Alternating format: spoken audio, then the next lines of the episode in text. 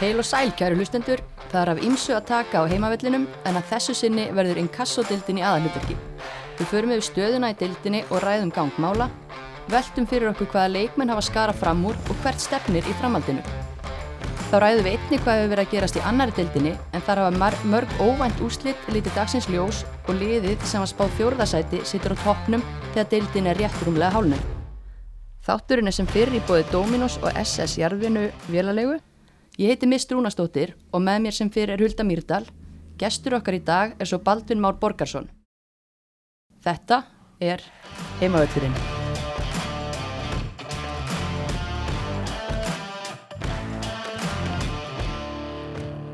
Wúhú, jæja, sunnudagskvöld og velkomin til okkar Baldvin.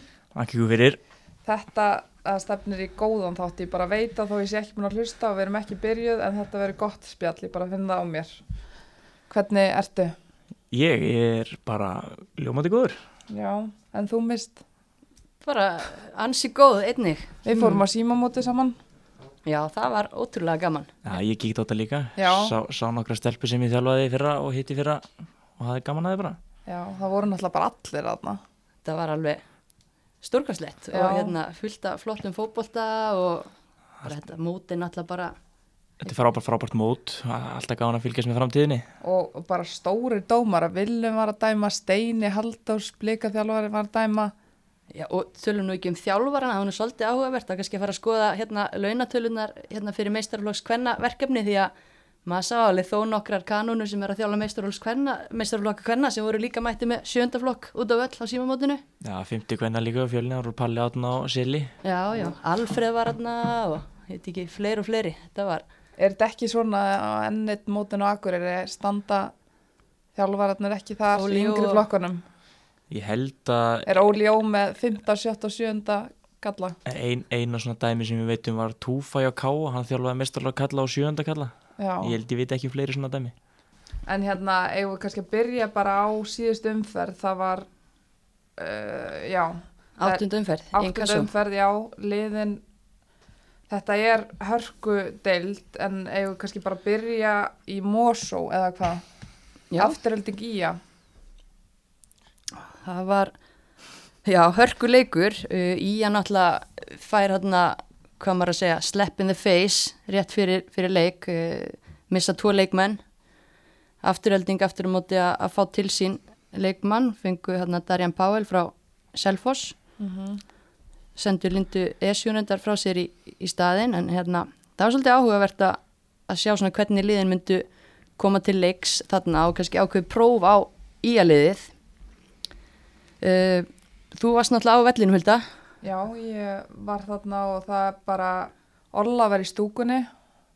Ía hefði líklega frekar vilja hafa hana inn á en hérna afturölding er að koma bara með allan mér óvart. Komnar upp í fjórða sætið og hérna já, hvað ég að segja? 1-0 sigur hjá þeim.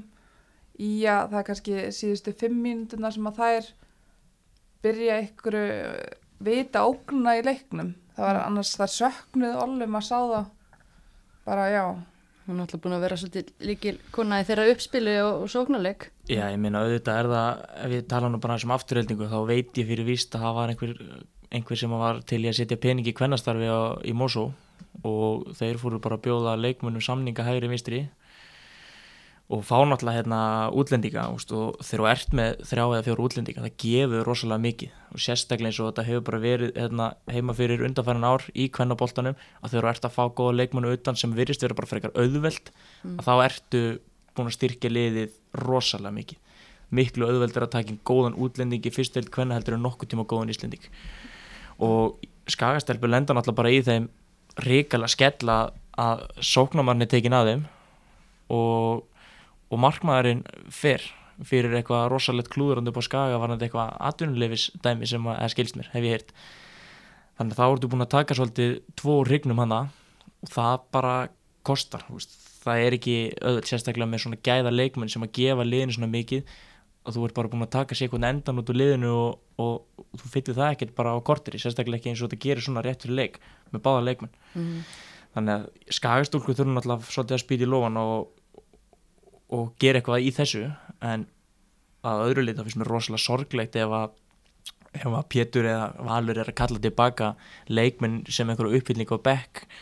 Ég meina ég var að skoða skýslinu á Val síðustu 2-3 leikjum og jú, þar er alltaf hérna Mist og Telma búin að vera á bekk og, og Berdísvanni, Berdísvanni er að fara til skóla í byrjun ágúst hinn að það eru meittar og held að telma sér líka frá tímabili mm -hmm. en þú ert búin að vera líka með Guðrun Kardas að bekna vestn og leikminn sem eru miklu frekar frá spila held ég heldur en nokkuð tíma, nokkuð tíma olla mm.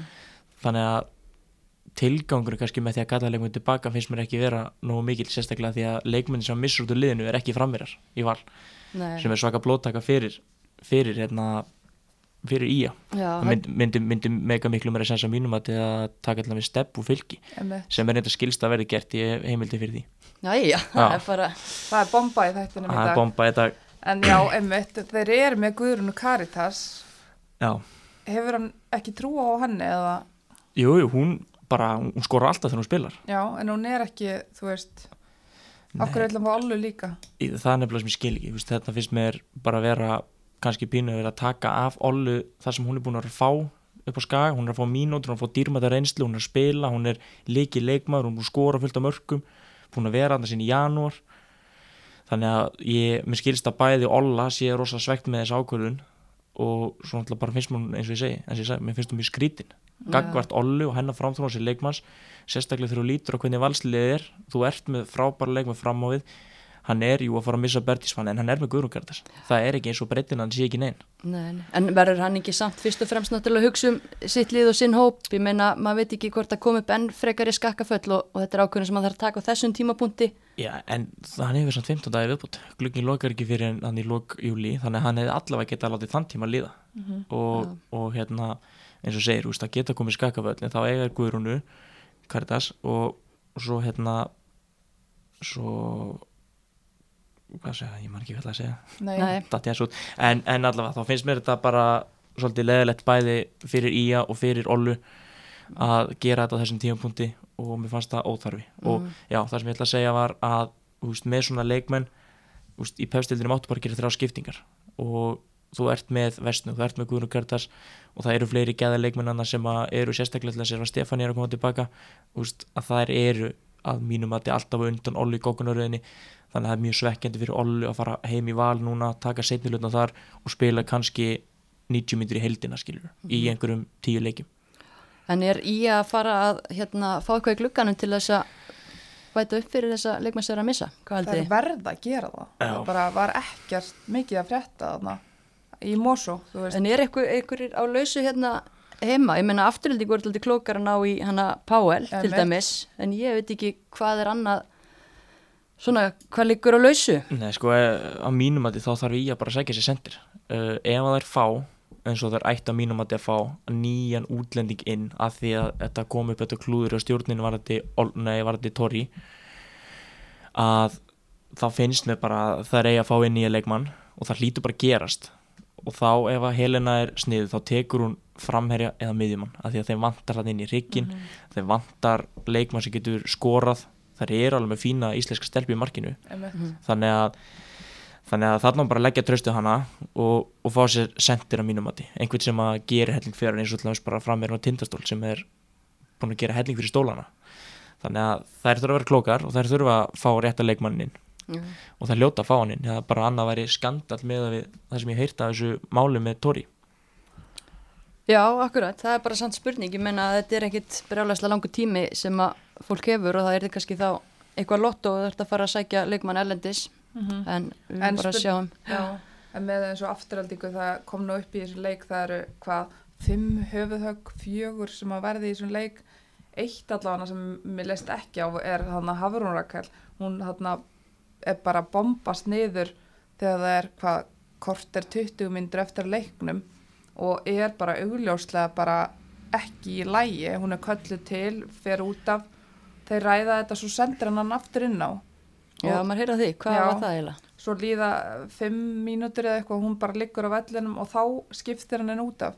Þetta er bara gríðarlega mikil mistök hjá Júla þjálfara þarna. Þú veist, þú gerir þetta ekki, Hafrún Rakel er hún er bara gríðarlega mikilvæg í þessu liði, hún er allt í öllu í, í hérna liðinu og bara stelpa, ung stelpa en að senda hann aftur inn eftir þetta, þú veist, þetta gæti bara haft þau áhrif að hún er bara miklu lengur frá sko. Að já, þetta var hérna sérstætt og, og bara svolítið leðilegt einmitt hvað var mikið eitthvað brasi í þessum leik, meðsli og leikmenn að fara út að mittir og annað, það er náttúrulega ekki eins og að sé brjálu britt í þessum inkassulegum vonandi, vonandi hérna, er þetta ekki að fara að halda þeim lengi fyrir utan. Maður hefði nú haldið að vitneskja væri orðin meina þetta um þessi mál en, en það er kannski svona spilarinn í hugsunarleysi hvað Hafrún er mikilvæg leikmaður og, og þjálfarar með mikið keppniskap og vilja gera allt til þess að vinna þeir náttúrulega hugsi ekki alltaf raugrétt Það er mitt málið að þarna eru þar eitt nú lifir, þar eru með leikin bara í höndunum að frekar að eiga þá hafrunu 100% þar sem að eftir er skilur en að ég hætti að missa hana lengur frá. mm. Steini Haldursson á, á vellinum Já, hann var í stúkunni. Og að giska á hann hafi verið að horfa á Hafrunni Rakel eða? Það var föstudagskvöld, það er eh, fullt, var fullt í gangi á þessu föstudagskvöld en hann ákveður að sitja í stúkunni í Mosó. Já, blik, blikarnir er nú alveg þekkti fyrir það að byrja að kroppa í leikmennu og leið og þeir komast á einhver blöð þegar KSI sko, ef það eru valdir í 17 og 19 þá er blikarnir mættir yfirleitt sko. Og þú heldur hann hafi verið að kíkja á Hafrunni Ég myndi alltaf tippa það, já. Það er eiginlega, það er eiginlega, er það ekki bara staðfest að var, hann var að kíkja á hana. En kæmist hún í, hérna, bara segjum að þau myndu ná að kroppa í hana yfir í kópóin, sjáu þið fyrir ykkur hana í þessu blíkaliði? ég sé hann alveg fyrir mér í blíkaliðinu en ég sé hann ekki fyrir mér í byrjunarliðinu eins og staðan er núna. Nei, en svo, svo er það samt alltaf þannig með blíkan að, að það, þeir eru að spila ungu stelpum og þeir eru alveg duglega að selja þær út. Þannig að þú veist hver veitni maglamari sé farin eftir tímabili þú veist þá er búið að opnast fyrir og það er búið að lög staða sem að náttúrulega einhverjir ungi leikmenn þurfa bara að stökka á að taka af því að, að, því að blíkanir eru bara með þessi stefnu þeir vilja frekar sækja unga leikmenn og spila þeim. Og meðan að Valur er náttúrulega bara til í að henda peningunum í þetta og reyna að kaupa reynslumestu og bestu leikmennina. Já, það er öðruvísi, Tvær- öðruvísi upplegg. tvær, tvær ólíkar aðfer- aðferðir. Taktík mm. og ég er hipnar annar þeirra.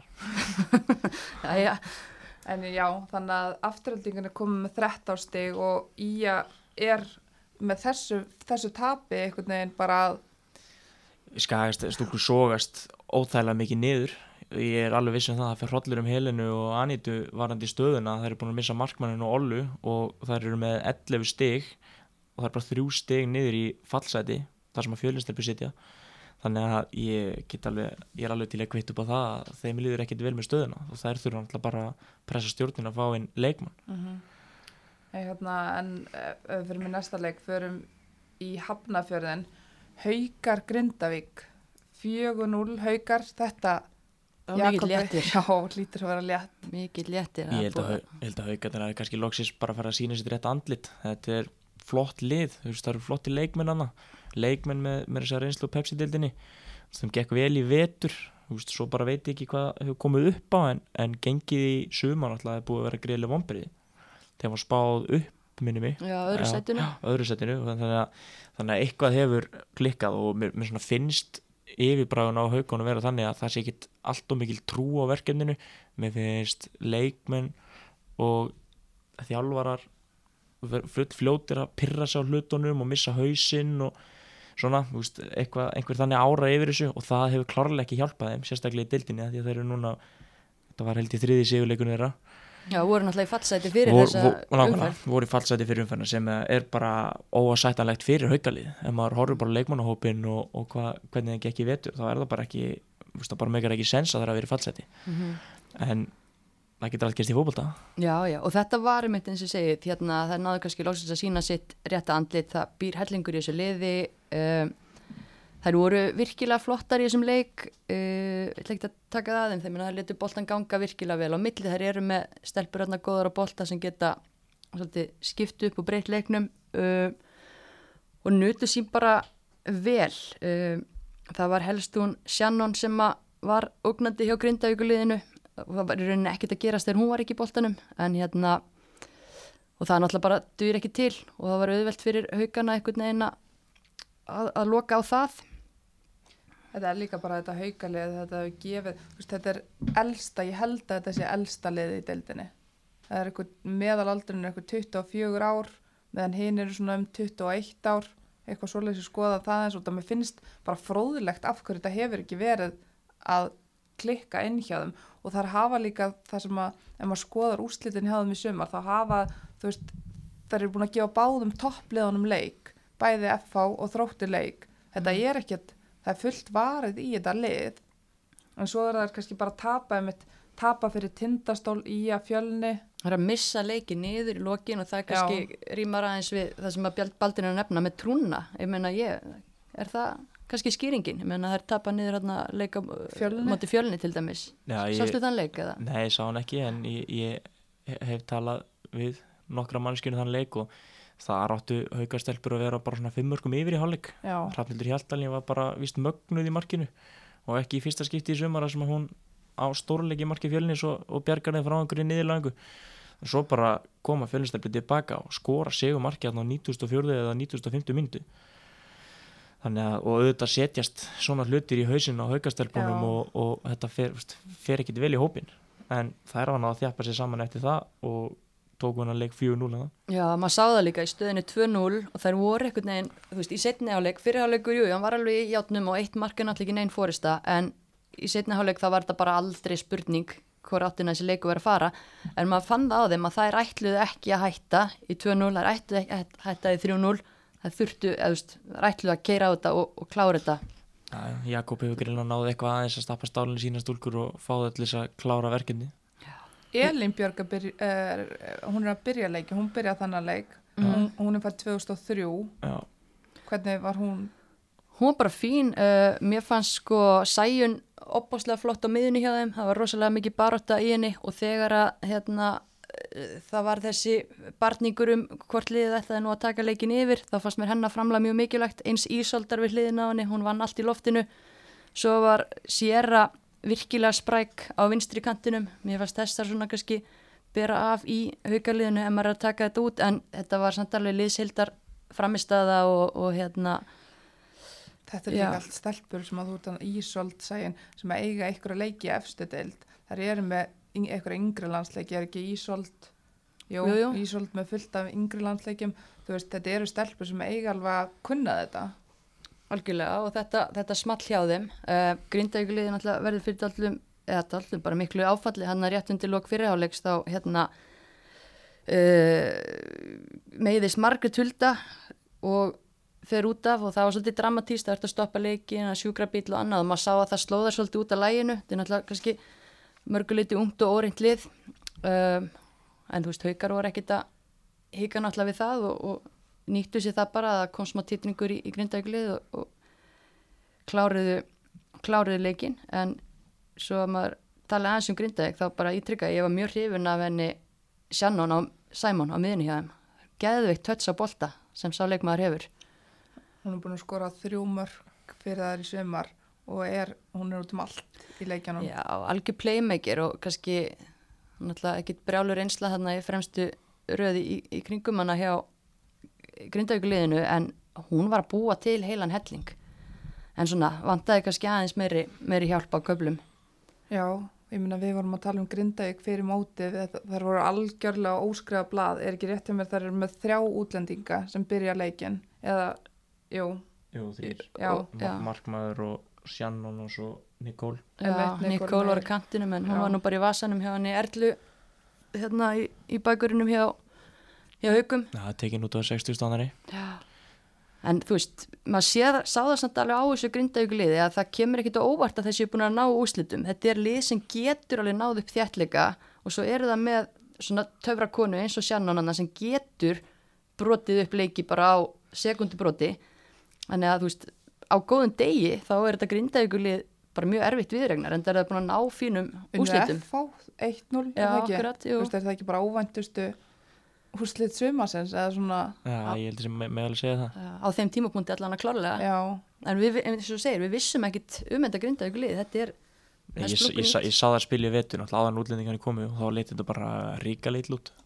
Það voru bara ungar íslenskar stelpur skiluru veist, og eftir þá voru þeir ekki ennþá búin að fá einhverja frá Keflavík og svona en það vantar og svo mikið liðið mikið ungu stelpur sem að ég, mér sýnist ekki einu sinni vera á þannig í dag og það leitt bara ríka leitl út og þá hefði maður, hafði maður eðlilega rákir af Grindavík en, en eins og maður segir að, að það, það er alltaf greinda ekki sækir útlendinga og farna Sjannon sem er frábær leikmann eins og tala um hana auðvelt, virðist vera auðvelt í kvennaboltanum að fá frábæra leikmenn og eins og í nærdeildinar mm. og það gefur liðanum helling.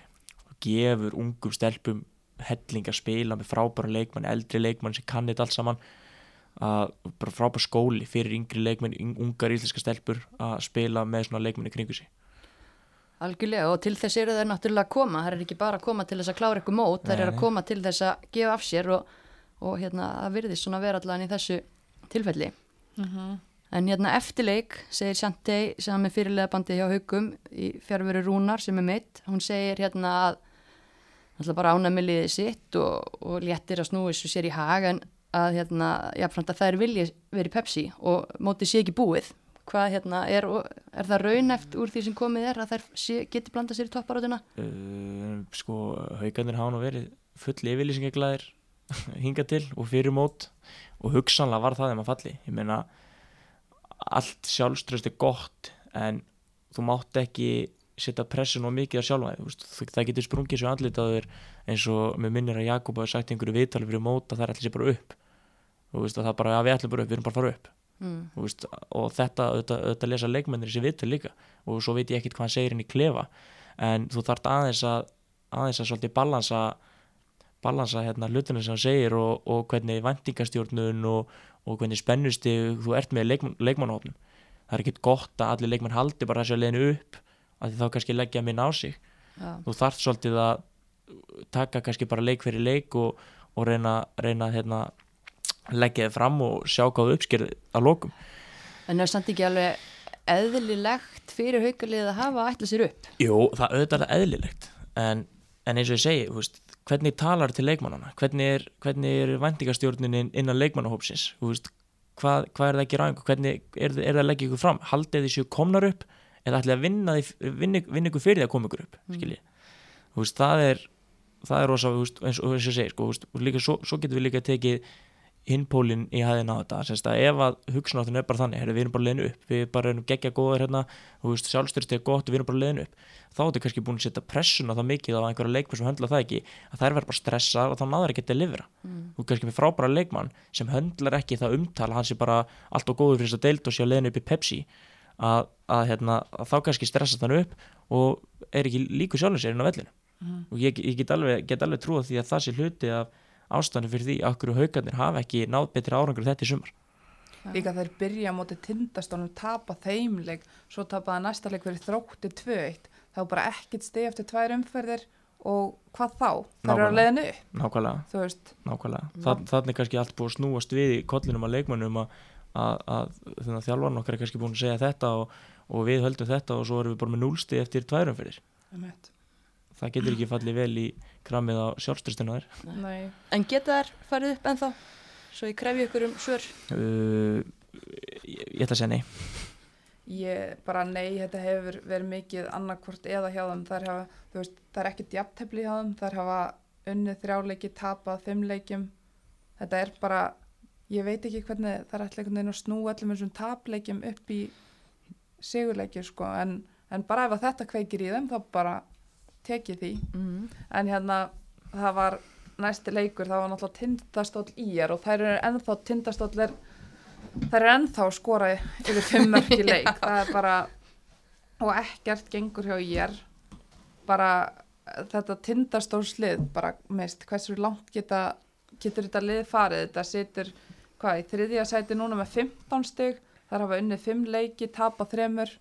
Já þær, ég held að fara nú ekki ofar en þriðasætið en það væri frábær árangur ef það er ná að, að, að klára mótið í þessu þriðasæti en eins mikið á mörgum og það er að skora þá náttúrulega eru það að fá helling á sig líka á mótið þessum bestu liðum deildarina þannig að ég held að þessi nú ekki tilbúnar í að fara upp en hérna ótrúlega skemmtilegt þetta spútniklið sjömasins Það það, stólanir hafa komið skemmtilega óvart sko en en samt kannski ekki endilega komur óvart að því að það var alltaf að vita fyrir móta þar væri með hennan útlendi kannar Múriel sem er ógeðslega góð. Hún er bara, veist, hún er bara líkamlega líkamlega yfirbyrðir hvert öðrum leikmannum í deildinni er bara þannig að þú veist ég veit ekki hvað, hvernig það lýsa þið sko, hún bara leikur sér, sko, hún getur fengið boltan í lappin hún getur stungið leikmenn af hún bara bombar á marki, það er allt inni.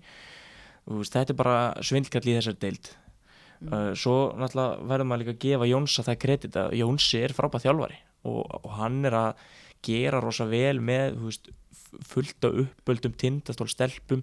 Þetta er náttúrulega bara stelpur frá söðakrúki pluss þessir útlendingar og hann er bara að gera hrikalega vel með hennar leikmannóp það er ekkit auðvelt að koma upp um deild og, og fara að ná svo þessum árangri í deildinni fyrir ofan. Þú veist, auðvitað eins og sé hjálpa góðir útlendingar en veist, hvort, hvort er ég að geta hjálpa svona rosalega mikið. Þú veist, jú, jú.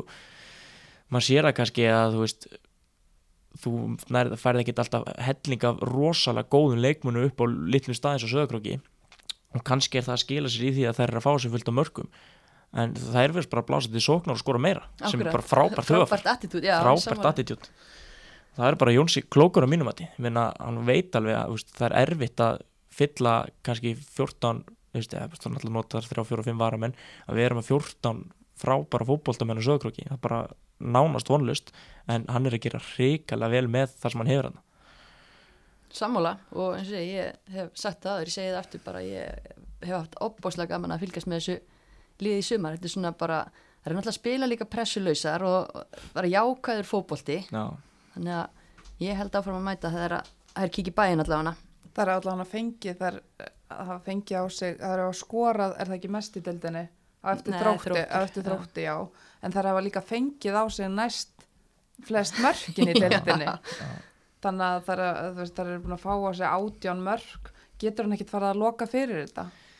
Eins og ég segi, maður veit ekki sko, ég náttúrulega hef ekki séð þær almennilega, ég hef bara séð til þess að þarna, þessar múri el sem er náttúrulega bara fárlega góð en að hérna, eins og ég sagði veist, að, þú þú, það popp ekki upp 14 og 15 góðir íslenski leikmenn og sögurkróki getubilið innan liðsins hjá íslensku stelpunum er pottið alveg rosalega mikið og svo er spurningi bara, veist, hvar ertu með þína bestu leikmenn og þar kolla kolli og veist, kannski er hann bara ekkert með neitt frábæra varnamenn, annars ég viti neitt nákvæmlega um það en það er svona kannski pínu mín tilfinning að því að á móti góðuleðunum þá er hann að fá þessu fjögur fyrir mörki leik en hann er þá bara að reyna að skora sex í staðins Einmitt. Já. Að geta En- skorað á móti góðu liðanum svona mörg mörg. Það er líka bara, það er þetta klárlega, klárlega frábæra kostur og styrklíki og það náttúrulega spilar Múriel svaka stórt hlutverk. Já, en svo er líka bara leikmenni svo Vigdís Edda er að skora helling og annað, þannig að þetta er ekki, þú veist, má ekki tala ómikið um Júriel, en bara talandi um varnarleikin, þá finnst mér líka vera stígandi í honum, hann er með ágættis línu, hann náttúrulega laufey, hérna, vinstri bak var meitt þarna í upphafi sumars, hann er nú aðeins verið að púsla, Krista Sól hefur komið mjög sterkinn þegar henni hefur hendi í bakverðin, uh, Bryndís fyrirliði er að eiga frábært tímabil sem hafsendanna, og mér finnst sko með að við þegar ég sá þar bara í fyrstu tveimur umförðum versus að sjá þær núna varnarleikurinn er í framför þannig að hérna, ég vona að vera ekki okkur svo að hérna, mörkunum fækki ekki ómikið í þessum leikjum en, en hérna, ég held að sé alveg framfæri þar líka og, og þeir eru að gera, já, Jón Sigur Gunni bara mjög flottar hluti í að, að púsla saman úr, úr þeim efnið sem er til staðar en hinn uh, útlendingurinn hjá þeim sem hefur skorað sjö mörg. Jackie, Allt- Já, hún, uh, þar eru með 17 mörg samtals.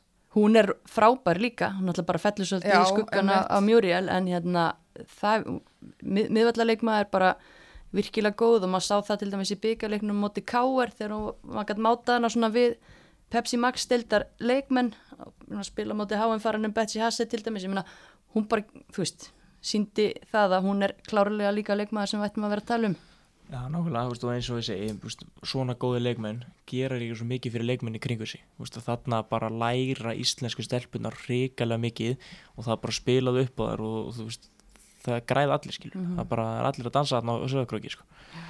en, en svona kannski smá samengi varðandi varnarleikin þegar við vorum að tala um hann á sögurkröstelpum þá voru þá voru IR að skora mark í annað skipti, eða þriðja skipti í deildinni, þetta er annað leikur sem skora mark mm. þannig að veist, það er kannski svona hægt pínu að benda á varnarleikin þó svo veist, það er vinna 6-1 en hvort það sé kannski leðild að tala í er vegna en, en ef þetta er einhver mælikvarði á varnarleikin það var svona ekki endilega, endilega jákvætt stólana vegna sko. Nei, en einmitt það gengur korkin í rekur hjá íirliðinu og uh, þær missa hérna, stjörnustelpunar sem voru búin að fá lána, ég meina Lára Mist leikmaður sem hefur mikið gæði, hún er farin Guðrún er farin, þær fá Lindu Esjún frá afturöldingu Já.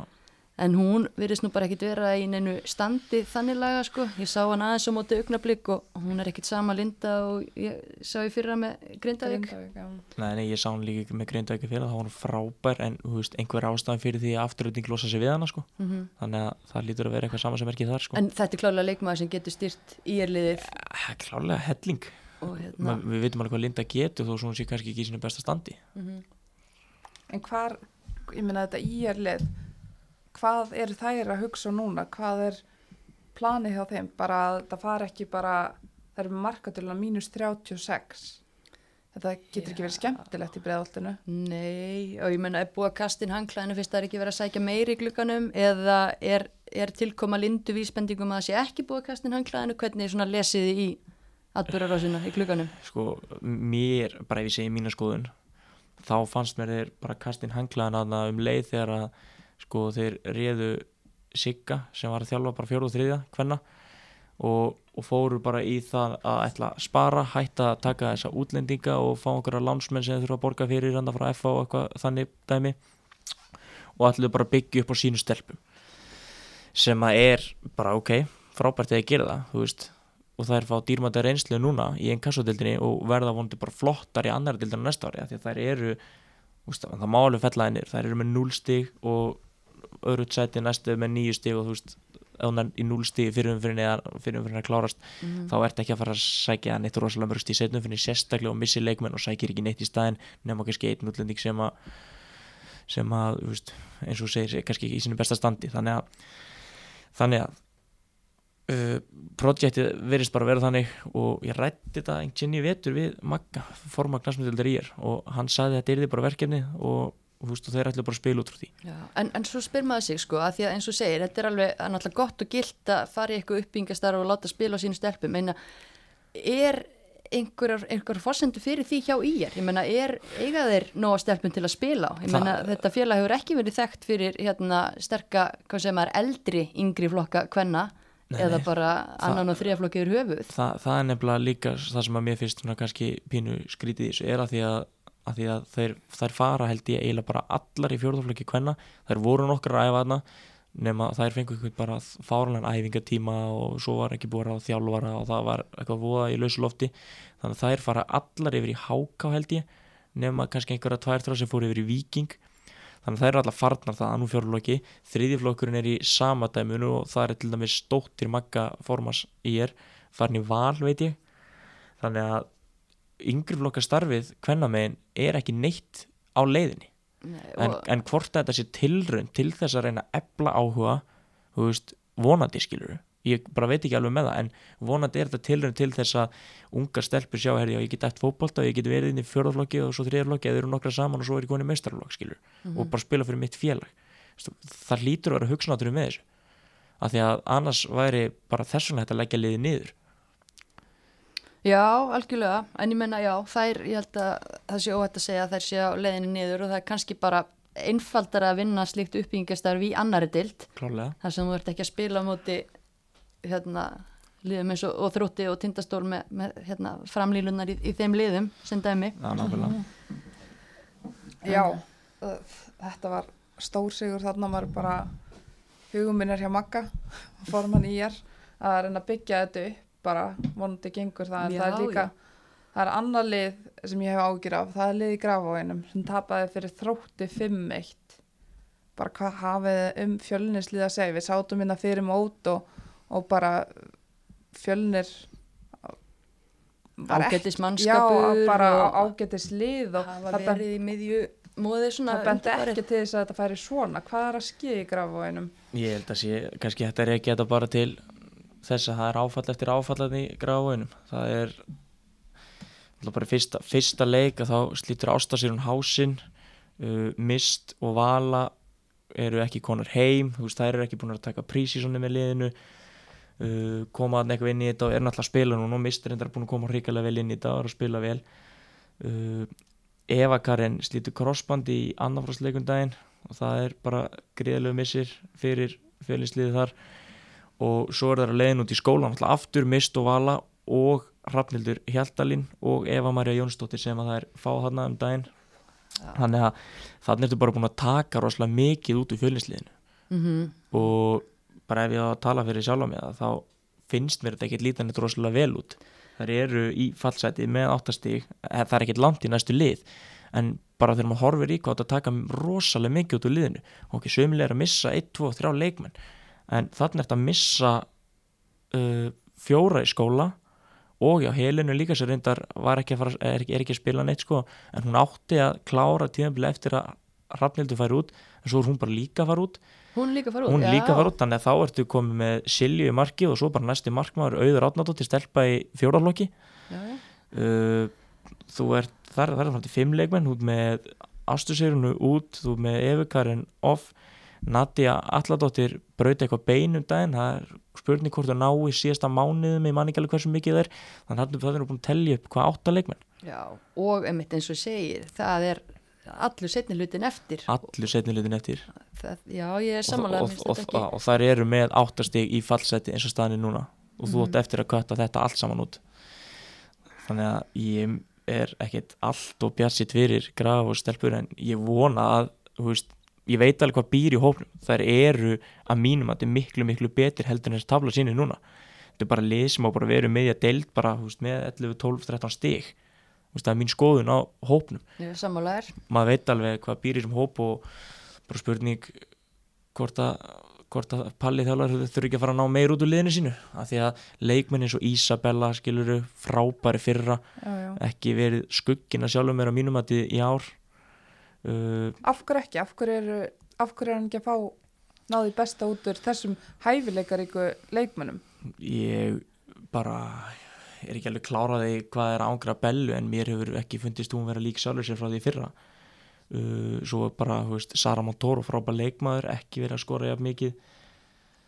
Uh, og veist, svo hefur þetta ekki verið að falla með ég að spila um átti Ía þar sem að sennilega besti leikur fjönisleysis í sumar en þeim tókst að tapa því ef mann er rétt Já, Já, sjónvarsleikurinn Sjó, fræðir já, með sjó, öllum já, sjónvarsleikurinn Já. svakaleg færi staðan það það hefði ekki verið ósakjart bara 6-0 fyrir fjölinni á 60. myndu svo fáið það náttúrulega bara í baki það klára ekki færi sín En Þannig það, og, veist, og, og auðvitað koma þessi móment upp og það brýtur alveg niður sjálfströst í liðinu það er ekki hjálpa sér liðinu neitt að, að hérna, spila sem besta leik og tapa. En nú er mist að koma eins og hún nefnir ansi sterk tilbaka. Hún er búin að skora núna í síðustu leikjum. Já. Veistu hvað hún har marga leiki eftir? Ég menna það lítur að vera búst að fá hana inn allana til þess að skora þessi mörg sem að voru ekki dett inn. já já, uh, hún nær held ég síðasti leikun hennar held ég að sé á móti í upp á skaga Mm, þannig hún nær alveg hvað þrem eða já, þetta er ekki einhver- viðbót, þetta er einhver- já, þetta er einhver Já. þrýr leikir mestalega fjóri leikir sem hún næri viðbútt ég held að það sé rétt hjá mér að hún nær þessum leikjum en svo ertu bara búin að missa eins og ég segi, þú ert búin að missa efu þú ert búin að missa ástu mm. uh, svo missur hann að fimm út í nám Og ég, ég held sko ef við horfum bara líka heilt yfir á deildinu, menna það eru langt flestar að fara úr þessu fjölninslið út í nám. Menna hvaða annar lið er að fara að lenda í vesen? Ég held að sé Í að mögulega, kannski missa, hvað, tvær, eitthvað í að, að missa tvær sem er að spila einhverju viti og, og það er missa fjóra heldina, veit ég Mm. en það er að missa tvær sem er að spila einhverju viti og eru mikilvægar Mhm. og svo tvær aðrar sem að eru ekki að spila í stór hlutur þannig að, þannig að þú veist, þannig ertu bara að taka í rauninni kannski tvo byrjulismenn út í að en þú ert að taka fjóra, fimm leikmenn út í fjölni Já, akkurat. og, og eins og eins og búin að nefna Eva með slítið grósbanda ásta út og síðasta var hérna Nadia, Nadia. Nadia veist, hún, er, hún er ekki að fara að spila fyrir henni lok sumars Mhm. þannig að það er ekkit voðalega bjartið í vóginum en, en maður, ég hef full að trúa verkefninu. Er, er Palli að fara að ná þá í leikmenn haldiði eða veist, getur hann fengið eitthvað í glugganum? Einhverjar ungar sem er ekki búin að fá tækifæri? Mér finnst að þriðflokkur var að ná í hérna, þriðasettu Helsingi Cup. já, já, það það, það, það er fullt af flottum fótbolta stelpum í fjölni Mm. þriðjiflokkurinn er útfullir af flottum leikmunum en þú veist, er það tilbúnar? ég held ekki þannig að þú veist, þetta er bara kannski tímaspilum framtíðin í grái er ekki ekki svört sko, hún er bara mjög björt ef ég að segja svo er, það er fullt af leikmenn að koma upp það eru leikmenn að fá að spila sitt fyrsta heila tímabil núna sem að græða helling á því, menn ok, þó svo liðið færinir í aðra deild, þá það náttúrulega bara að fara beint upp aftur, ef þú heldur sama kjarna og heldur í leikmenn og þú veist, gerir verkefni spennandi þú veist, þá átti fjölni bara að koma tvíelt upp tilbaka og, og ná að stabi, stabilera sig almennilega eins og náttúrulega planið var að gera núna. En það er ekki að ganga upp, það er bara eins og sagðan áföll eftir áföll og það er ekki að hjálpa þeim neitt. Þannig að þannig að veist, þá þurfa bara að taka því skilur þú veist, segjum sér svo að það bara fari versta veg og, og þær falli þá er það engin endir alheimsins fyrir fjölnisamt sko, af því að það er eins og sér fjólokki fullt af nei, þrjaflokki fullt af flottu fótbolta leikmönnum fótboltastelum á leðinni þannig að það er engin það er, ekki, það er engin heimsendir að, að falla fyrir fjölni. Nei, en samt náttúrulega ákveðin skellur að því að þær náttúrulega fóru niður í aðra deild og ætluðu sér það alls ekki og tók tíma að komast aftur upp í fyrstu já, já, og svona þannig að það er svona setback í, í projektið að, að það en, en, en svo veist, eins og þú veist, bara ég, held að ef þú myndir fara niður núna þá myndu þær alltaf fljú Mhm. upp aftur Já. það er svona mín tilfinning fyrir því en svo einn annar punktur sem ég kannski spái var til það hvað fjölnir geti verið að missa að fyrst að Valur er komið í það stuð að byrja að kalla leikmenn tilbaka þá getur þið byrja bara að kalla Bellu tilbaka líka Já, það, akkurat það, já. það, það er alveg option líka þá ertu búin að taka nýjunda leikmannin út úr þessu Já, en þú veist eins og þú segir, Mist er búin að spila vel, Mist er búin að skora tvö mörk held ég fyrir þær, en er það ekki áhugjefni ef að hérna Mist er orðin þeirra markaskorari? Er, Jú. verður Sara ekki, Sara er búin að skora þrjú mörk og ég veit hún er snarung en hver, það verður eitthvað stíð upp í markaskorun. Já, já, það er klárlega, en Sara þarf líka þá bara að fá almennilega þjónustu fram á því Mhm. þú veist, hún getur ekki séð um sóknarleikin einn það er bara margir leikmenn í fjölinsliðinu sem þurfa kannski aðeins að stígu upp af því að maður veit alveg hvað það geta og það er vita það sjálfar. Það þurfa bara að fara að leggja sér fram og delivera. Þannig að klárlega þarf Sara en Sara náttúrulega spilaði ekki í síðasta leik af því hún var út í Helsingi með þriðarlokki Já, En já. kannski ansið hart þegar maður er farin að fara niður í þriðaflokksleikmenn og bara byggja þær um að draga liðið áfram, þú veist, það þurfa aðri leikmenn að koma með. En það er, já, nú þurfa fjölninskunni bara að þjapa sér saman og, og hérna bara ná sínu allra besta fram í þessum setni hluta ef ekki illa fara því að þetta lítur ekkit allt og vel út. Nei, en, Sara er frábær leikmaður og ég held að það sé ekki ósangjart að gera kannski smá gröður á hana. Hún gerði það í fyrra, skoraði fullt af mörgum í fyrra.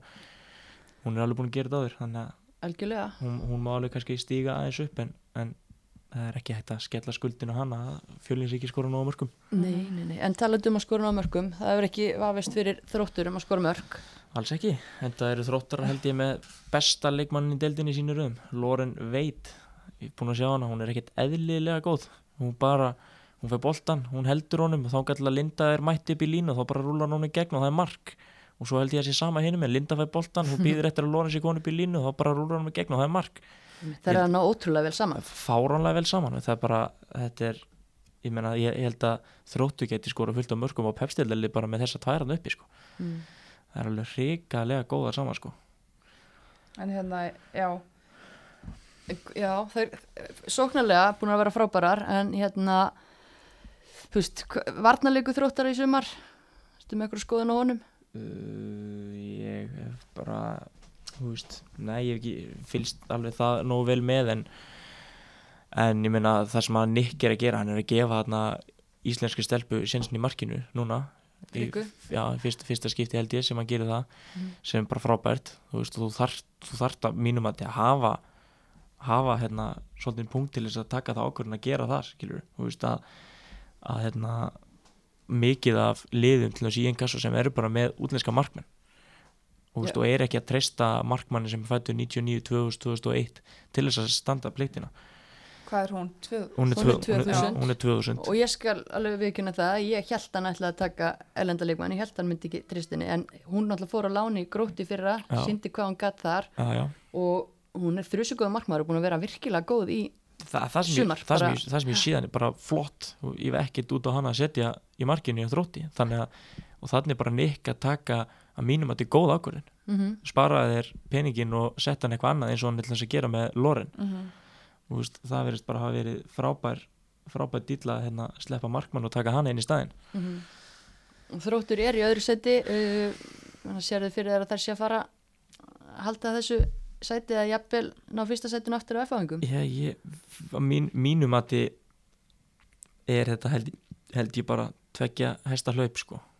Tindastóll er svolítið svona ro rock on lið skilur það er, það er alveg að fara að tapa leikjum. Afturhelding sömuleiðis, Ía er núna í svolítið niðursveifla eftir þeirra áföll, Grindavík maður veit ekkert hvar maður hefur þær skilur haugarnir, jú, það geta farið á flug og farið í byrja þriða fjóra seti haugarnir, það getur alveg gerst. Augnablík er sama bara svona jójóið, þú veist, maður veit aldrei hvað leikmenn spila, það er náttúrulega með 80 leikmenn í öðrum og þriðaflokki hjá breyðablík sem geta spila þessa leiki. Og fjölinir er náttúrulega þú veist, og þetta er einmitt það sem ég er búin að tellja niður hérna, veist, þetta er ástæðan fyrir því að ég hef enda á trú því að fjölinir geti gert fína hluti, af því að augnablík er bara, þú veist, maður veit aldrei hvað leikmenn mæti leikina, haugarnir eru búin að sína það að þeir eru svakalegt í jójólið og voru í fallseti Grindavík er eins og segja, maður veit ekkert hvað maður hefur þar Ía er á niðursveiflu og þarna eru bara þrjú stig upp í það sem ég er búin að telja upp. Þannig að það er ekkert hægt að afskrifa einnin einn og ég held að þetta verði rosalega spennandi fram að síðasta degi. Ég get alveg trú á því. Já, en svo sjáum við líka bara við tökum hérna síðasta leikin í þessari síðustu umferð að hérna, eða hann var reyndar fyrsti leikurinn að augnablík 0 FH1 marka á loka mínútunni Já. og þetta er toppliði dildinni á móti liði sem að einmitt hefur kannski ekki verið á brjáluðu hérna, skriði en samt er svona lítið sem skilur á milli já. það sigla í augnablíksliðinu Já, þetta eru góða stelpur ríkalega góða stelpur marga hverjar. Þetta eru bara þær stelpur sem að komast ekki að í breyðabrúsliðinu sem er alltaf frábært og bara bestalega landinu eða eitt af tveimur allavega. Þannig að þú veist, það er engin að segja það að þessi leikminni ekki geta gert ríkalega vel í þessari deild. Þú veist, en málið er náttúrulega bara eins og er alltaf með unga leikmenn. Þegar þú ert ekki með reynslun inn á milli þá getur unni besta lið og tapa fyrir slakasta liðinu. Þú veist, það bara, þannig virkar þetta bara með unga leikmenn, það er bara stöðuleikin er ekki til staðar, reynslan er ekki til staðar en það er fá dýrmata reynslu þarna og þar að leiðandi þá fá blikandir upp betri leikmenn þegar að það, þar að þeir komið. Þannig að mér finnst þetta bara reykjala flott verkefni. Það eru náttúrulega með líka bara hrikalega unga leikmenn og hrikalega gamla leikmenn. Þetta það er einhvern veginn ekki þarna á milli. Ásta Átna spilar held í síðasta leik, Sandra Sif, Ragna, Já. svo það með leikmennir í Þórdísu Kötli sem er 2004 held ég. Já, Já þannig er- þetta mitt kannski þannig er kannski pælingi komin að reyna að fá einhverja reynslu liði til þess að pínu stjórna leiknum innan frá, innan frá vellinum en bara hvort það sé að ganga upp og hversu vel að gengur skilur, veist, er eitt leikmann nóg mm. þarf ekki þrjá til þess að aðeins að geta svolítið stýrt vörninni, miðinu og sókninni Já, hann ætla Ragnarburg komið tilbaka núna eftir meðsli, hún spilar hérna Hafsend og, og Sandra á miðjunni og svo þegar Ásta hefur verið með þá tekur hún bakurinn, hleypur hraðar heldur en aldrei fyrir bara held ég. Þannig að já, ég, held, ég er samanlega, þetta er bara flott verkefni í gangi hana og ég held þetta sé mjög, mjög hérna klúkt og líka þessir eldri leikmenn sem eru hana, þetta eru leikmenn sem að gefa af sér, þetta er allt svo flott í karakterar.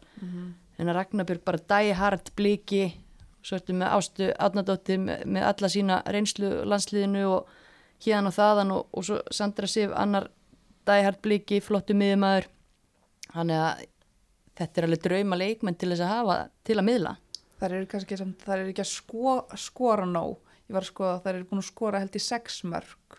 augnablik Já, það er ekki mikið. Helga Marí hefur skorað held í þrjú fyrir þær en svo þeim vantar eitthvað svona til að skora er hérna, ég er ekki bara besti sóknarmennir í breyðabrisliðinu jú, ekki það ekki. hættu því Já, Já. Það En- en F-áliðið, ég menna þær eru á toppnum. Það er unnu þróttarnu daginn og, og tóku líka þær líta, líta vel út. Já, ég minna þetta er bara lið sem kemur niður og, og jú, jú, það er missa einhverja leikmenn en það er missa ekkit rosalega mikið. Það eru ennþá með Evu Núru sem hann alltaf hefur ekkert að gera í einn kassodeldinni skilur það eru með hérna fá, fá Sif. Margréti Sif. Þú veist þannig að það eru bara með frábært einn kassodeldali það er ekkert með mikið síðra lið heldur en að voru í Nei, sé, þetta, þetta, er bara, þetta, er, þetta er ekki, ég get alveg trúið því að FH geti mætt skilur K.R. og einhverjum liðum sem er svona neðalið Pepsi og bara gefið þeim leik sko. þannig að FH liðið er bara flott veist, og það er eiga bara að fara upp ég er alveg til að setja bara kröfu og það er að þeir eru að fara upp og setja pressun og það er höndlað alveg potið sko. Já, ég menna þetta væri faralegt þú horfir á, á mannskapin og, og þó þetta sé kortnúmt liða mörguleiti þá er bullandi reynsla þarna líka Já, já. það væri bara fáranlegt ef að þær færu ekki upp Nei, það er handla heldur náttúrulega hana helinu og veist, þær eru bara með fullt eins og ég búin að nefna Nefunúru, Margaret Sif, helina fullt af flottum leikmannum mm.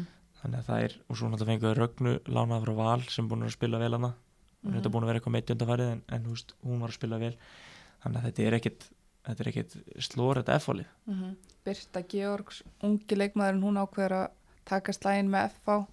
Kristján bauðin að koma í hérna stjörnuna, kalla hann tilbaka en hún ákveður að vera í, í FH og er náttúrulega bara í vill frekar spila bara í stóru hlutverki þar og, Já, Já, ég held til dæmis ef Olla hefði fengið að velja þá var valið að vera áfram í að mhm.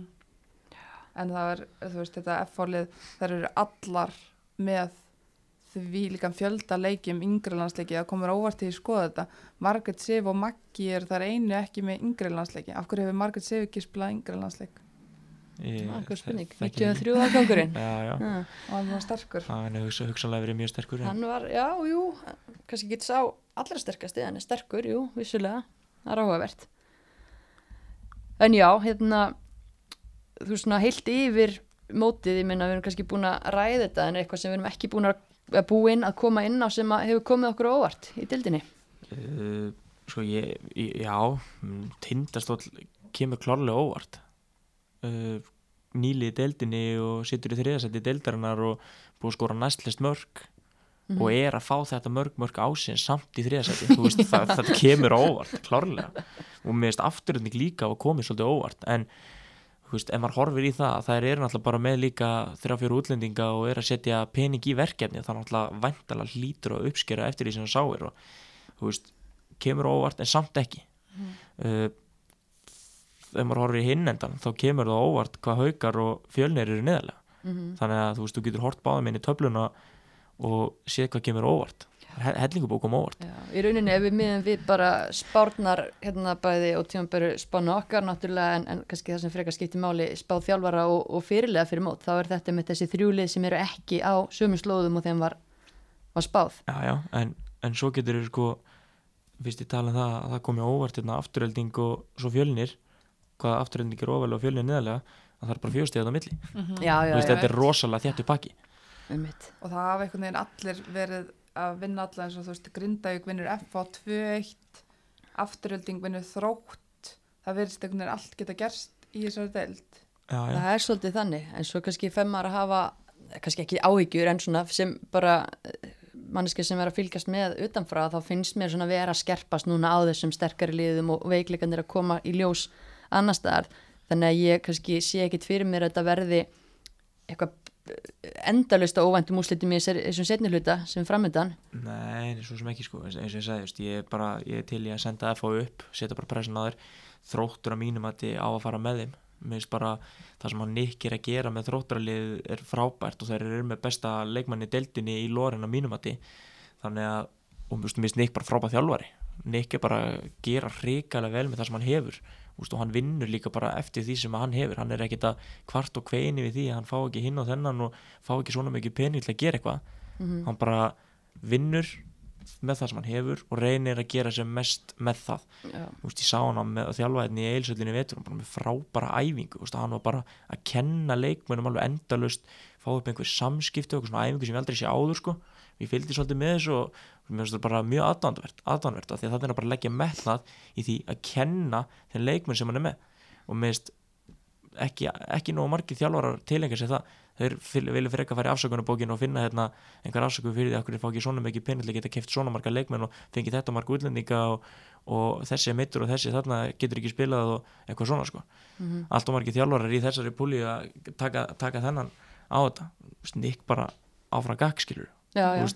þetta er bara staðan er svona og ég verð bara að vinna eftir því En er samt að samaskapi hérna, fær budget og hefur fengið undan fyrir ná fyrir tveimur leikmunum en það er ekkit hver sem er sem gerir svona vel með budgeti sitt. Hann er líka, og ég hef talað um þetta áður, sem ég veist kostu við hann, hann er opbáslega góður að skáta Já, og hann er ekkit að taka hvað sem er. Hann reyndi að fá lorin í fyrra, bara gekk ekki upp Nei. og það bara neglur hann núna í ár og Já, já. Hérna, átti besta erlandileikmann í deildinni í fyrra á, já ég veit ekki hvort að ég sé alveg samanlega að sé best að þeim ég veist mjúri er líka komið til greina þar. Já, jú, en hérna en þú veist, við erum samt að sögum blæsið með það að hann er ár eftir ár að ná í besta erlendaleikmanni frábæra, frábæra leikmenn.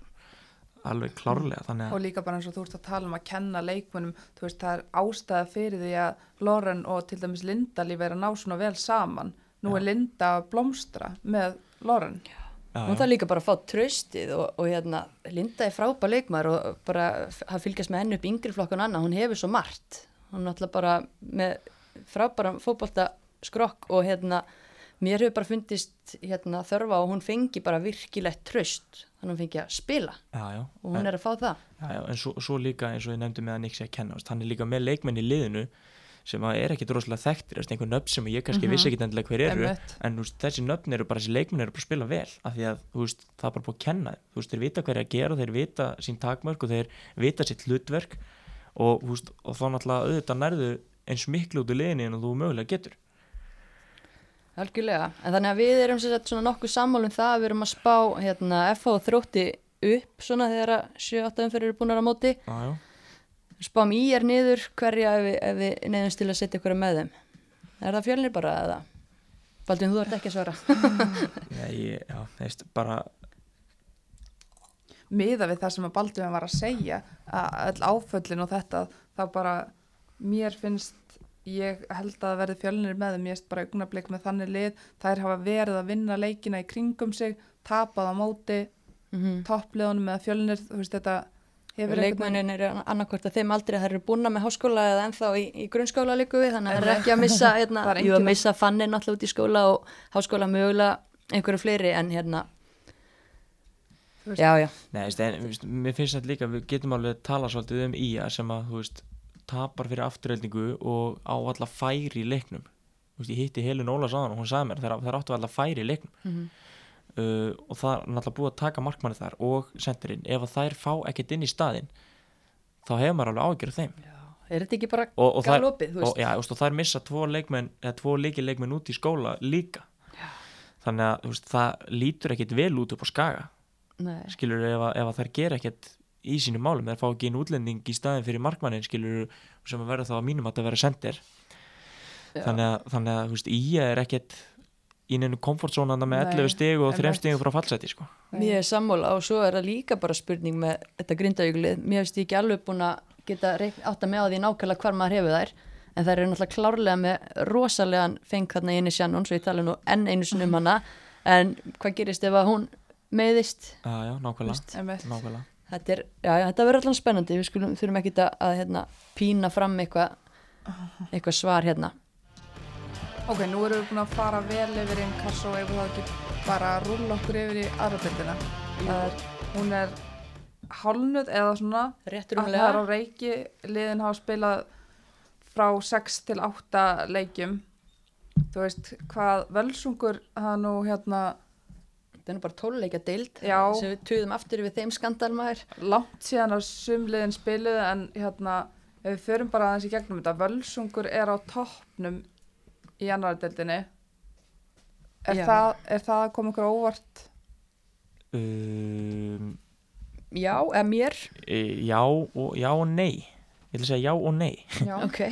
uh, veist, Völsungur náttúrulega er að spila líka bara svolítið á sínum stelpum þessum sínum heima stelpum búin að gera það lengi þess, það eru stelpur sem eru konu með dýrmata reynslu búin að spila kannski nokkuð tímabilana og svo eru þær með útlending útlendinga sem hann alltaf gerir eins og ég sagði, gerir rosa mikið fyrir svona stelpur. Já, þær Fyrir- voru ekki þannig í fyrstu umferðunum og maður sér bara svolítið stígandan hjá liðinu. Ná, nákvæmlega, munurinn á liðinu með án útlendinga er náttúrulega gigantískuna því að þú veist, eins og maður segir skilur, þetta eru kannski útlendinga sem geta alveg að spila í einn kass og þessuna og það gefur liðinu svo rosalega mikið.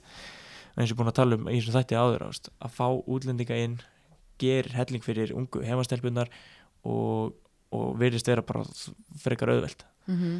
þannig að það er bara frábært að það skuli verið í gangi. Já, þeim var spáð fjóruða sæti fyrir mót völsungi en, en og fólk vissi samt að það væri vona útlendingum og fólk ætti nú að vita að John Andrews er ekkert að fá einhverja lala leikmenn, hann veit alveg hvað hann er að fá. Þannig að, en, en samt virtist hérna, þjálfarar og fyrirlegar í dildinni ekki hafa meiri trú á þeim en svo, mótið er náttúrulega bara háluna, við skulum ekki fara fram úr okkur en hérna, en það er hafa unnu fimm leiki. Já. En, en, en vita þjálfarar og fyrirlir í dildin eitthvað mikið meira um dildin heldur en einhver aðrir það svo er það. Ég meina þetta er alltaf við og dreifum landið og Já, ég, ég held að, veist, að það er vonlust að fylgjast með þessu deild, þessu svo sérstaklega fyrir kannski liðin sem eru í deildinni, þannig að þú ert með lið hérna á Húsavík, þú ert með lið á Eilstöð þú ert með lið á Seltjarnesi, Áltanesi Höfni og Hotnafyrði, Akureyri og Reykjavík, akkurat, þetta er bara ringurinn þetta er bara ringur það, það, það vantar bara í rauninni hérna, býi bólungavík eða snæfellsnes inn í þetta þá ertu svolítið búin að loka ringnum sko. Já, við köllum eftir því að í Bólungavík endur við ekki meistarlokk hvenna þannig að, þannig að hérna, þetta er rosalega, rosalega erfitt að halda utan um þessa deild.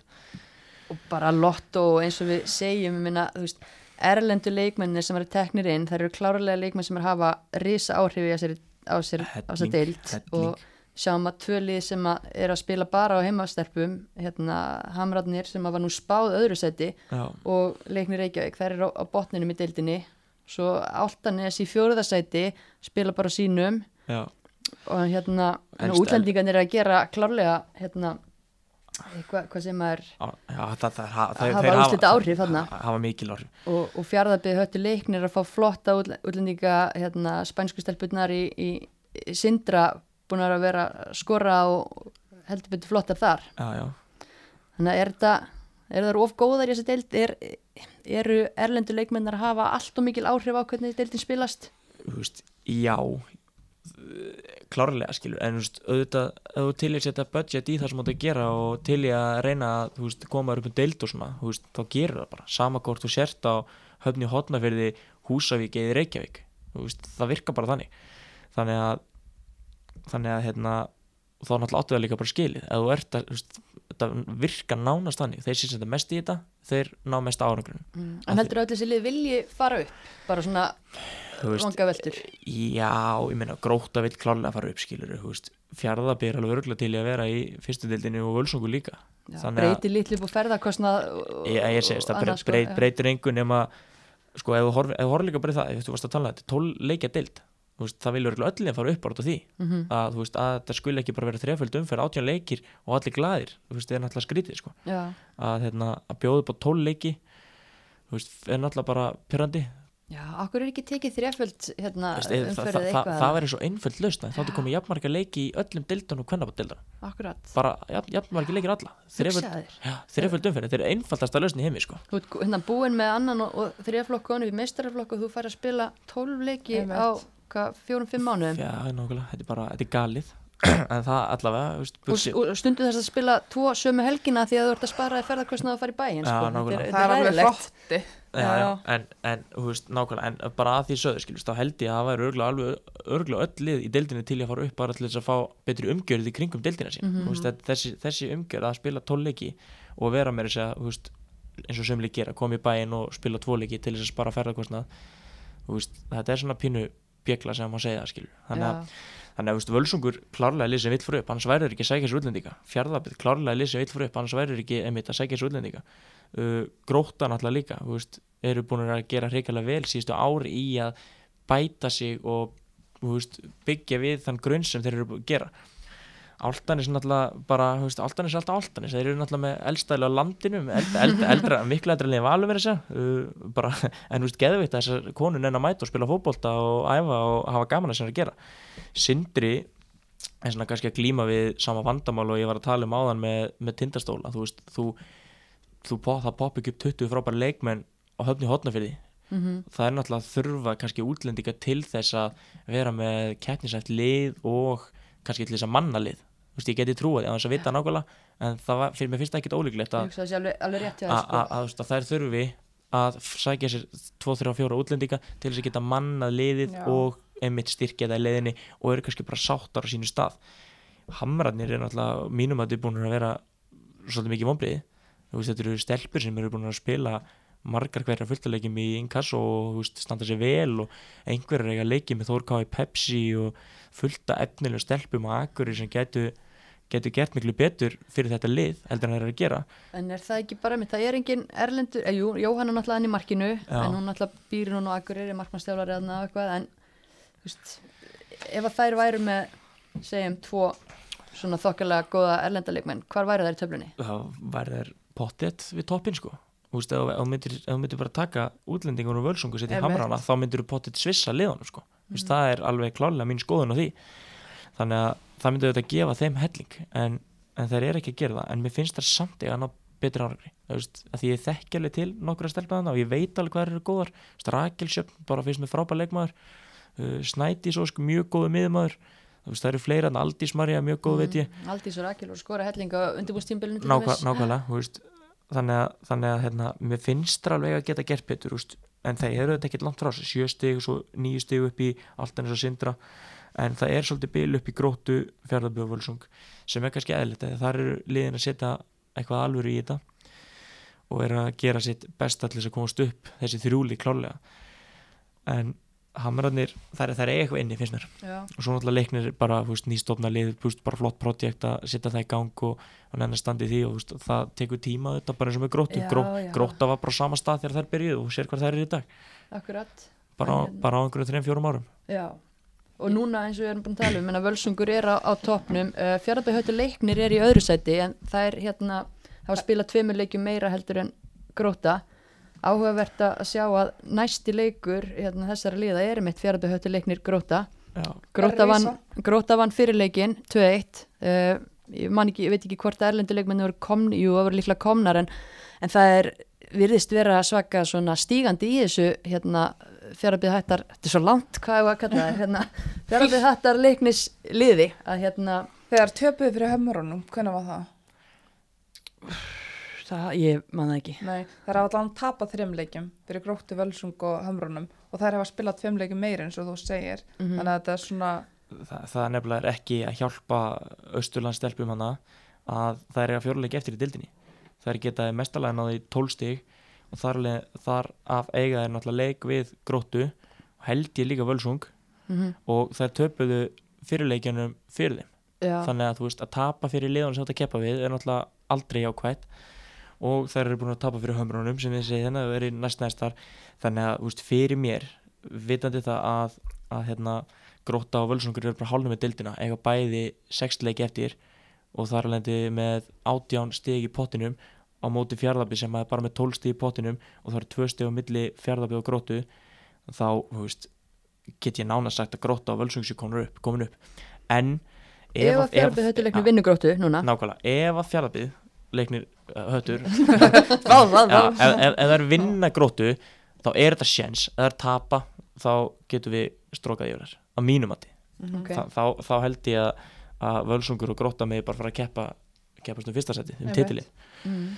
En gróta, það, það er hérna eru í þessu þriðja sæti hafa bara spilað sex leiki. Það sem kom mér mest á óvart svona það sem ég sá 0-0 jafntöflu við leikni hvað, Það eru skrítnustu hvað úrslit er sumarsins. skrýtnust úrslit sem ég hef bara séð? Sáðu þið leikina? Nei, Nei, ég heyrði af þessi leik að það hafði bara verið sko, veist, að leiknir hafa bara spilað frábæra vörn og, og verið brókislega bartuglaður og duglaður og flottar og, veist, og bara, ég er bara eiginlega ánað með að hafa náðu þessi stíði sko, og það gerir þetta helling fyrir deildina því að e- ef að gróta og fjárðarpættu leiknum væri jafnara stíðu núna og tveim leikjum farri spilaður gróttu Mhm, þá já. væri þetta eiginlega búið sko. Mhm. en og, þú veist, leiknir er kannski svolítið að bjarga þessari deildana með því að hugsanlega bjóðu upp á hann spennandi leikana milli gróttu og leiknis sem að bara veist, vonandi fjárðarpættu vinnur upp á það að við fáum einhverja bara til restina Já, það væri alveg það væri skemmt, skemmtilega gaman. sko, það væri skemmtilega Þær eru líka fjárðabæð höttu leiknir með markahesta leikmann í deildinni sem við vorum um þetta að velja leikmann vikunar hjá okkur á heimaöllinum Julie, Gavorski, Já. já, tíu mörg í áttaleikjum uh, það er hún lítur mjög vel út. Ég er endar, það náttúrulega kannski segir ekki mikið því að einu leikur sem ég hef séð að spila var þarna þegar þær völduði við leikni í breiðoltinu og það var bara, þú veist, það var ekki Nei, nei, ekki, ekki algjörlega marka bæði leiknistelpunar alveg bara búnar á því og, og annað. En, en hún leit hrikalega vel út þar og í rauninni líka íslensku stelpunar þarna hjá beðið hætti leikni svo tölum ekki bara um útlendingana menna Jóhanna Lind búin að vera frábær á kantinum, steinun, öllu í markinu. Það er fullt af spennandi leikmannum Elisabeth Eyr var reyndar ekki með þessu leik sem ég sá en hún þekki vel til hennar. Já, hún var þrótti, mjög góð. Já, þannig að það er, þetta er Þetta er skemmtileg deild. Nok nokkri leikminn í fjárðarbi sem geta alveg spilað í kassadeldinni klálega og í öllum þessum landsbyða liðum í rauninni. Þetta eru stelpur sem eru kannski búa höfuborgarsvæðin yfir veturinn og fara svo bara heim á sömurinn spila með sín liðum, eðlilega. Sami Hamran eins og veist, það eru leikminn sem eiga að leiki í Pepsi og leiki í Inkasso það eru klálega leikminn í höfmunum sem gætu spilað vel í Inkassadeldinni skilur Mhm. og þannig að ef þú tekur svo náttúrulega bara liðin sem eru fyrir ofan þá þá er alltaf klárlega leikmenn þar með gæði til þess að spila í deildin rón Já, En þá er það eh, eins og þið eru að tala um það er fullt af leikmennum í hérna þessar deild. Svo sem er önnur markaðist í deildinni, vitið þið hver það er? það held að Baldur. sé uppáhalds leikmaður minni dildinni Já, ég veit það ekki en ég ætla að tjekka það núna. Það er hérna ég, Si Sigrun eða Sigrun Já, hún er fætt 1980 80 sem gera hana, hún er 39 ára gömul. Það eru ald- tvær fættar 80 þessari dild, mér finnst það magnað. Jóna Benny Sindra líka. Já, og það er meðalaldrin í Általensi, ég kíkti á það hérna, það eru 26,5 ár, hún er 39 ára gömul, hefur aldrei spilað betur. Hún er geggjuð formi, Mm ótrúlega bara mikilvæg fyrir þetta, fyrir man- þetta lið. Ég man ekki hvað hann heiti þetta uppáhaldsleikmaður minn alltaf nessi sem skorar alltaf mörkið þeirra. Herna, Nei, ertu að tala um hann að, ég veit alveg er þetta tala um, sem var í stjörnunni áður. Já, hvað heitir hún? Jésús. hún heitir heit- Odni. Já, Sigurbergs, Vá. það, það er minn uppáhaldsleikmaður veist, hún bara, hvað er hún og gömul? Hún er Hún er bara ekki unglam með. Já, Nei, nei, hún er ekki hún, 88 held já, já, hún, er- hún er ekki orðin sko færtu, ég veit það en, en, en mér finnst hún vera búin að vera í alltaf þess að eilíf Já. hún skorar alltaf ógeðslega mikið af er svolítið- En hún er lítið búin að vera með í sumar, eða ekki? Já, ég er var að vera- leita, ég var að leita hana ég, Ah. Þetta alltarins lið náttúrulega er búið að spila saman í 100 ár. Og ég fíla það svo mikið. Ég meina, þær byrjuðu náttúrulega bara í Brasi eins og maður tala um hvernig gróta byrjaði í Brasi þannig fyrir nokkrum árum. Já, já, Þær er að halda hópin og hérna og það er alveg líka að koma smá endun í þetta. Þú ert með unga stelpur eins og Sölku Ármanns til dæmis sem að kemur yfir og með flottasta hárið í síðustu umferð. Blátt, sáðu myndaseríuna. nei, svo Gekja. En Hulda sagði eitthvað að hérna, meðaladra verið 26, ég hefði giskað Já. 26 sko Já, það er nefnilega magnað. Það er að koma smá enduníun hérna loksin sem er bara Það er bara frábært frábært. Það er að fá úr áltanis yngri flokkunum og eins úr stjörnunni einhverja stelpur og Já, ég er reynda að vissa því að það væri komið eitthvað samstarf þar á milli já. að, að það er stelpur sem að er ekki alveg inn í myndinu stjörninu myndu fara í áltans Mm.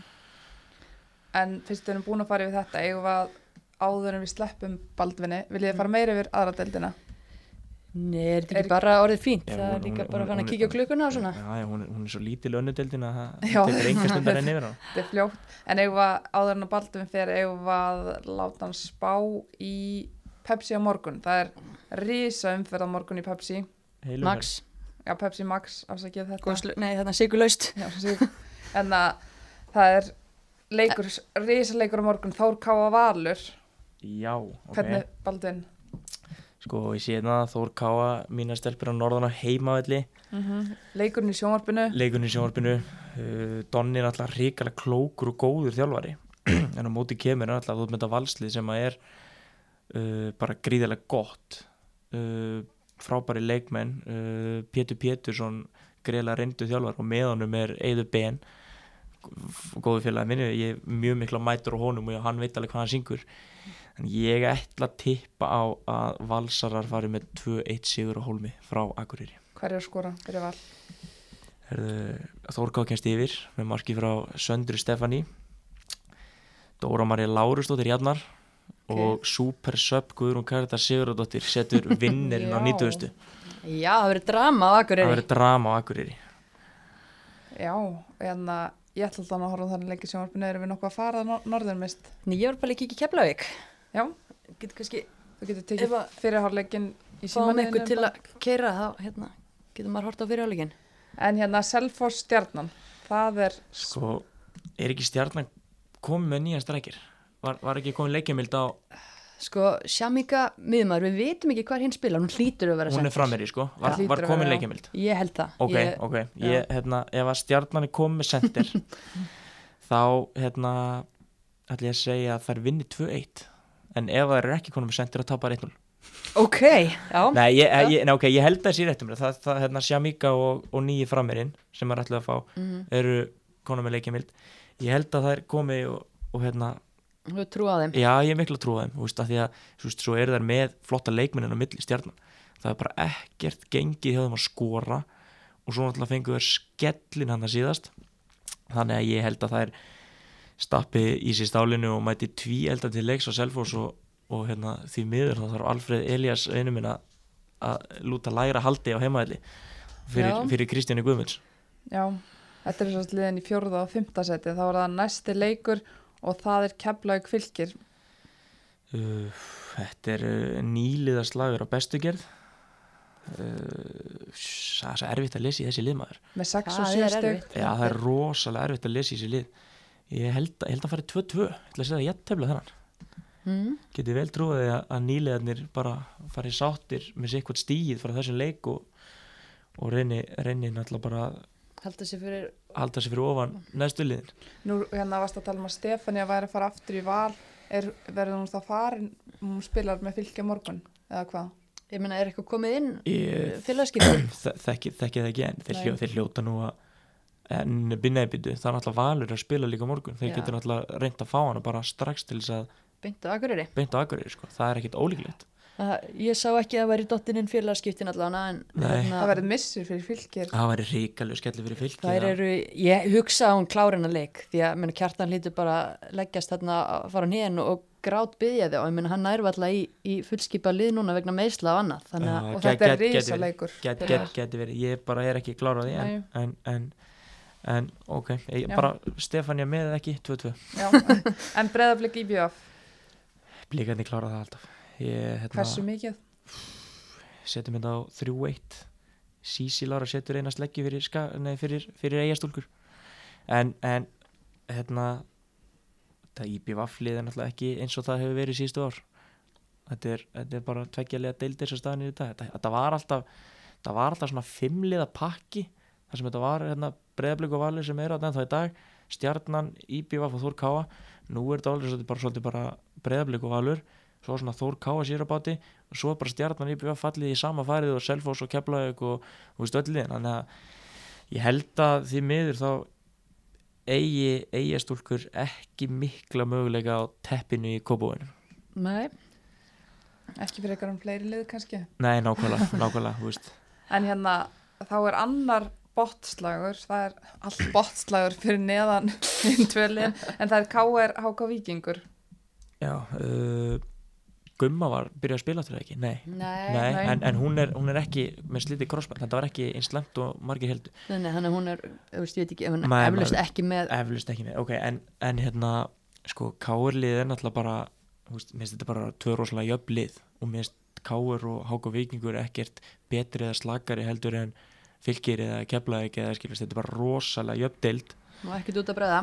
Má ekki út að bregða, Káur vann síðasta leik eftir að Bójana hættir og Ragnar Lóa svona kannski tekið pínu við þessu, maður veit ekki hvað verður samt, hvort hún takið þetta alfarið eða hvort hún sé ennþá bara bráðabyrða ég hef alveg trúið því að Ragnar Lóa ná alveg að stappa stálinn í stelpunar og, og það er takið 1-0 heimasjör Hver, hver skora þetta mark?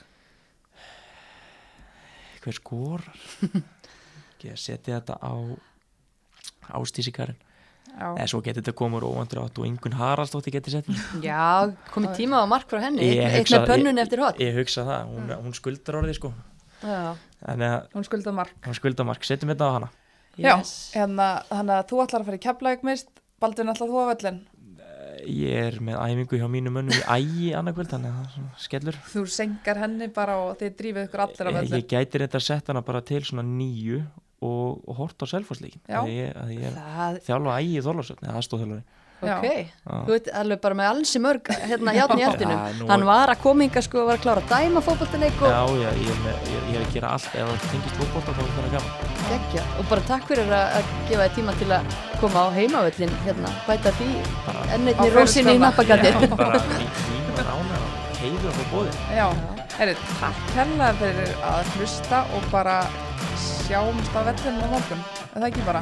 Jú, þá getur næst